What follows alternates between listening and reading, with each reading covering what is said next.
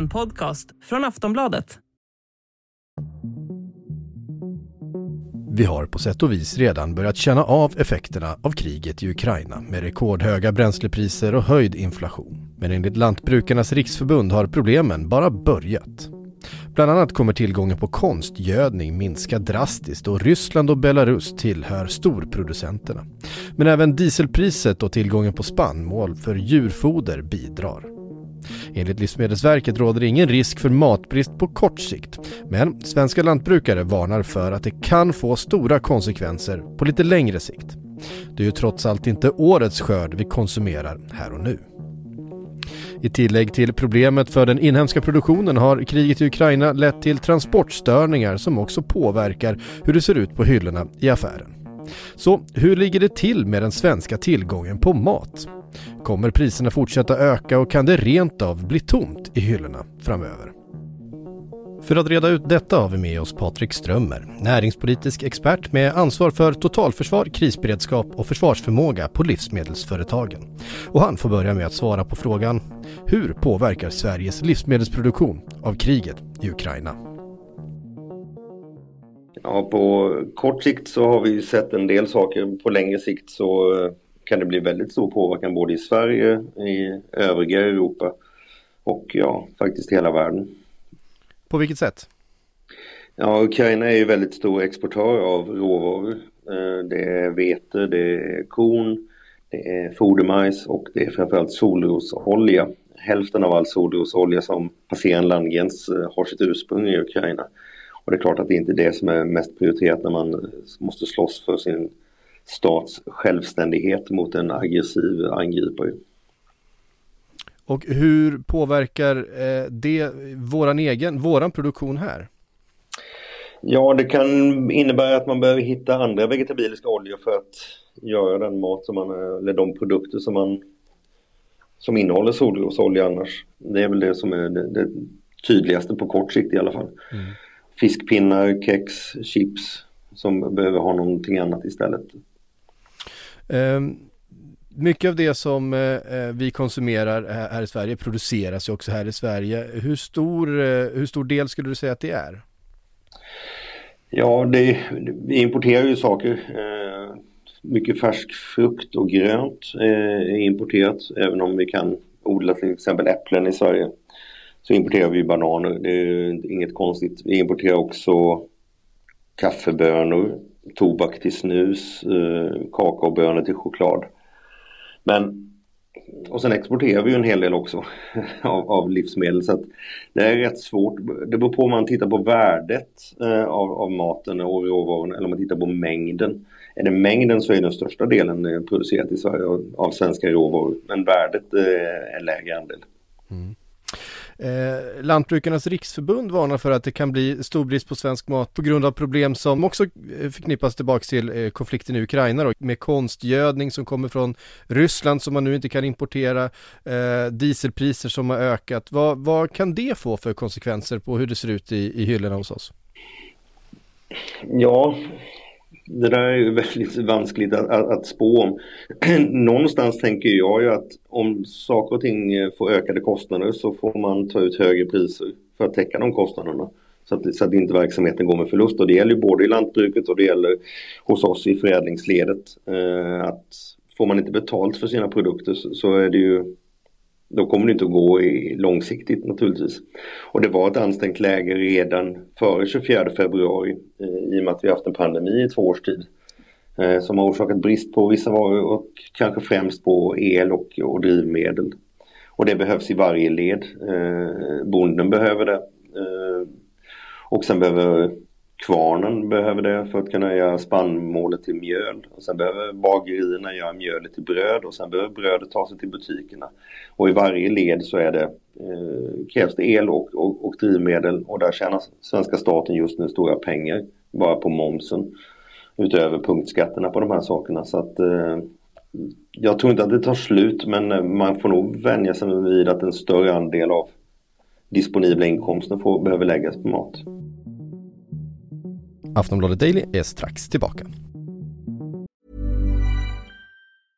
A lot can happen in the next three years. Like a chatbot may be your new best friend. But what won't change? Needing health insurance. United Healthcare Tri Term Medical Plans are available for these changing times. Underwritten by Golden Rule Insurance Company, they offer budget friendly, flexible coverage for people who are in between jobs or missed open enrollment. The plans last nearly three years in some states, with access to a nationwide network of doctors and hospitals. So, for whatever tomorrow brings, United Healthcare Tri Term Medical Plans may be for you. Learn more at uh1.com.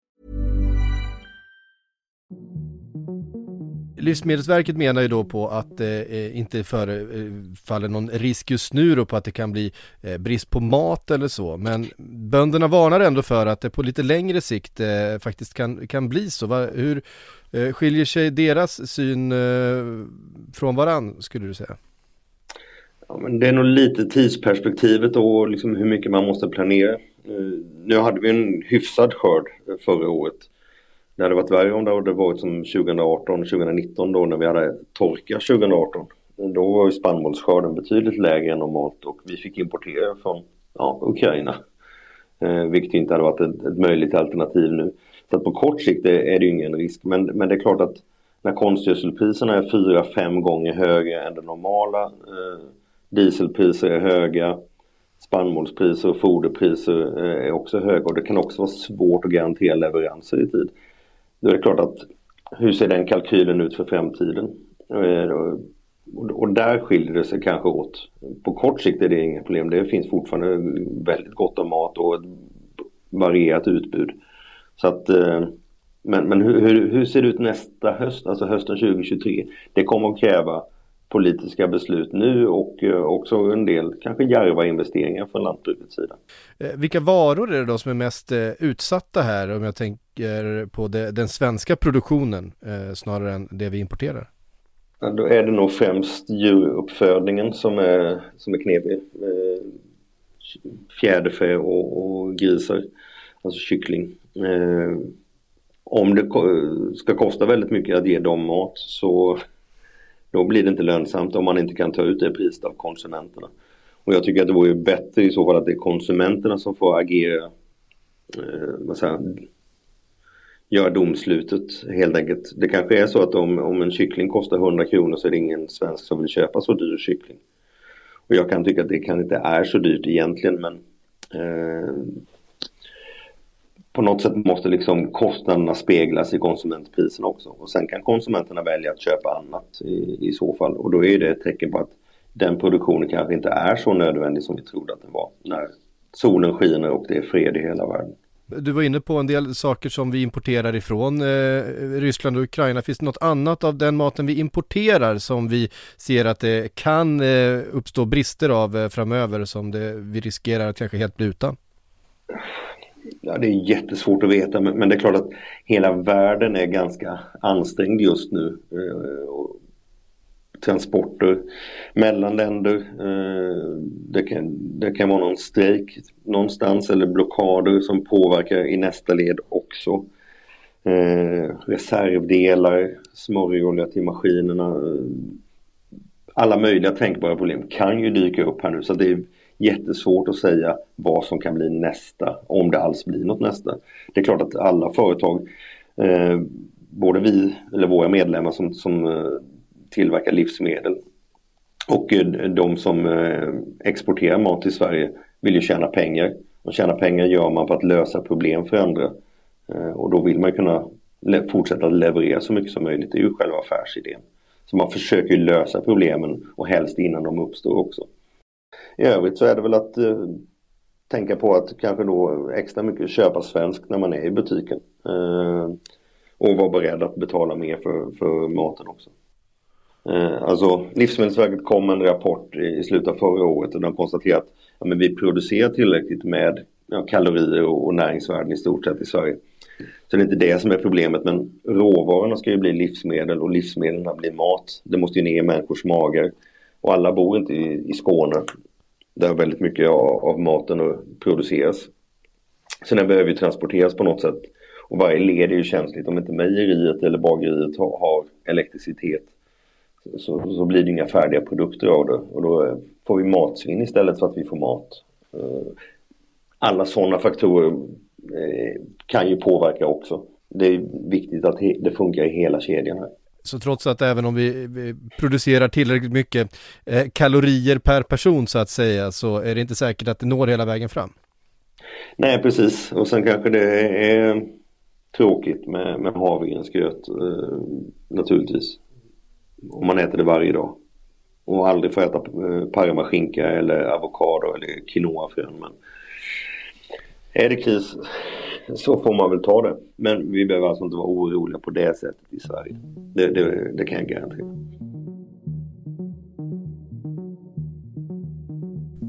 Intervjuade i dagens avsnitt var Patrik Strömmer, näringspolitisk expert med ansvar för totalförsvar, krisberedskap och försvarsförmåga på livsmedelsföretagen.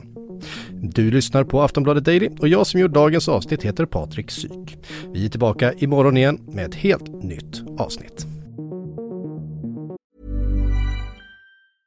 Cool fact a crocodile can't stick out its tongue. Also, you can get health insurance for a month or just under a year in some states. United Healthcare short term insurance plans, underwritten by Golden Rule Insurance Company, offer flexible, budget friendly coverage for you. Learn more at uh1.com. Du har lyssnat på en podcast från Aftonbladet.